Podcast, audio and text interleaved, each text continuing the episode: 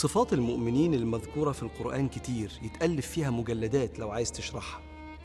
لكن لازم تقف وتفكر لما ربنا سبحانه وتعالى يقول وعباد الرحمن.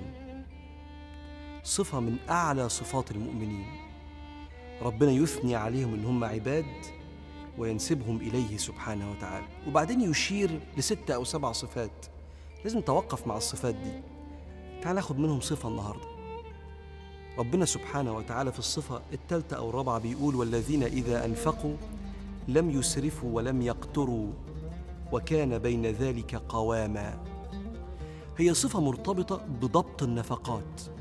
يبقى ده موضوع ربنا أراد إنه سبحانه وتعالى يتكلم عنه ويديله أهمية. بتصرف في إيه؟ وبتصرف إزاي؟ الإنفاق كما يقول الفقهاء ثلاث مستويات ضروريات الغذاء والكساء والدواء احتياجات حاجات مهمة بس أقل من الضروريات زي مثلا يكون عندك عربية عندك ثلاجة تشيل فيها الأكل التعليم اسمها احتياجات. ثم تحسينات أقل من الضروريات والاحتياجات. إيه التحسينات؟ مصيف تغيير تليفونك بقصد التطوير تغيير ملابسك وتشتري لبس جديد بقصد التنويع. دي اسمها التحسينات. ساعات الضغوط الاجتماعية بتخلي الإنسان يدفع في التحسينات فلوس كتيرة تطغى على الاحتياجات والضروريات فيسرف أو يسيء التصرف المالي ودي مش من صفات عباد الرحمن. والذين إذا أنفقوا لم يسرفوا ولم يقتروا يقتروا يعني يبخلوا. وكان بين ذلك قوامة وسط. اللي بيحدد الإسراف عند العلماء حاجة اسمها العرف يعني ما تعارف عليه الناس. والعرف من مصادر التشريع اللي بناخد منها ديننا عند بعض الفقهاء. قبل ما أقول لك حد الإسراف هو يعني إيه إسراف؟ الإسراف هو الإنفاق الزائد عن الحد في الحلال. أني حد؟ حد العرف. هنشرحها مع بعض. الإنفاق الزائد عن الحد في الحلال. ربنا بيقول في القرآن وكلوا واشربوا ولا تسرفوا. الأكل والشرب حلال ولا تسرفوا إنه لا يحب المسرفين.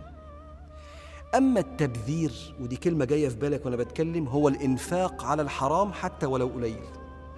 عشان كده ربنا بيقول في القرآن وآتي ذا القربى حقه والمسكين وابن السبيل ولا تبذر تبذيرا. إن المبذرين كانوا إخوان الشياطين. آه دي مش حلال دي بقى. وكان الشيطان لربه كفورا. ليه المبذرين اللي بيصرف في حرام كانوا إخوان الشياطين؟ لأن إنفاق المال في الحرام ده كفر بنعمة المال ما بشكرش ربنا عليها. ورئيس كفر النعمة في العالم هو الشيطان وكان الشيطان لربه كفورا. فاللي بيصرف ماله في الحرام بيقلد الشيطان في حاجة. ويضبط لك الإسراف سيدنا رسول الله صلى الله عليه وسلم اللي قال كلوا واشربوا وتصدقوا في غير إسراف ولا مخيلة. كل واشرب والبس وتصدق من غير زيادة عن الحد ومن غير ما تكون بتصرف بنية الكبر على الخلق.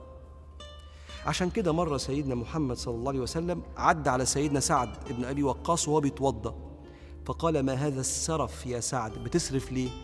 قال يا رسول الله أفي الوضوء سرف؟ في حاجة اسمها إسراف في مية الوضوء؟ قال نعم وإن كنت على نهر جار حتى لو بتتوضى من نهر اتوضى بكمية مية حلال أهو بس كمية مية مناسبة مش زيادة عن العرف. يعني أي حد زيك بيتوضى بيتوضى بكمية معينة ما تزودش عنها اللي تعارف عليه الناس.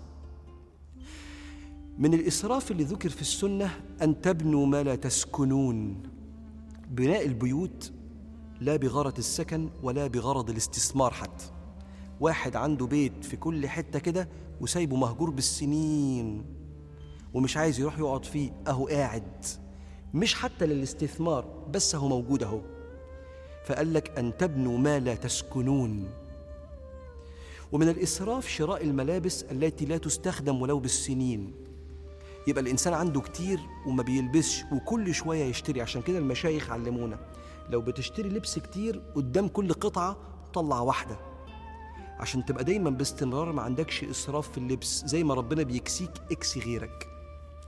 لكن المهم جدا جدا جدا ألا تستجيب للضغط المجتمعي في شراء ما لا يناسبك.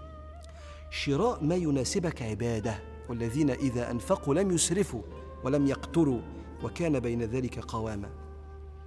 ما تحملش نفسك بأقساط تقيلة والقسط التقيل بيعمل ضغط نفسي.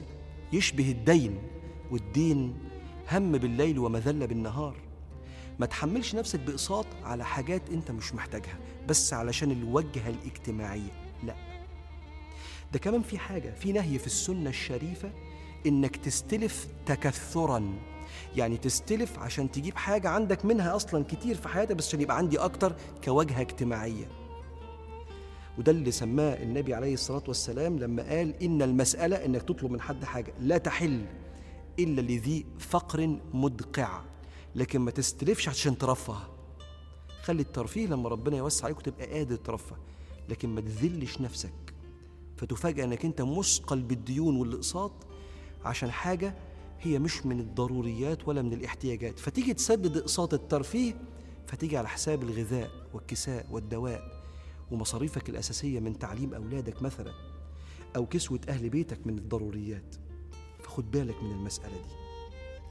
ربنا ياخد بإيدينا ويفهمنا ويعلمنا ويبارك لنا فيما رزقنا ويرزقنا على الدوام خيرا منه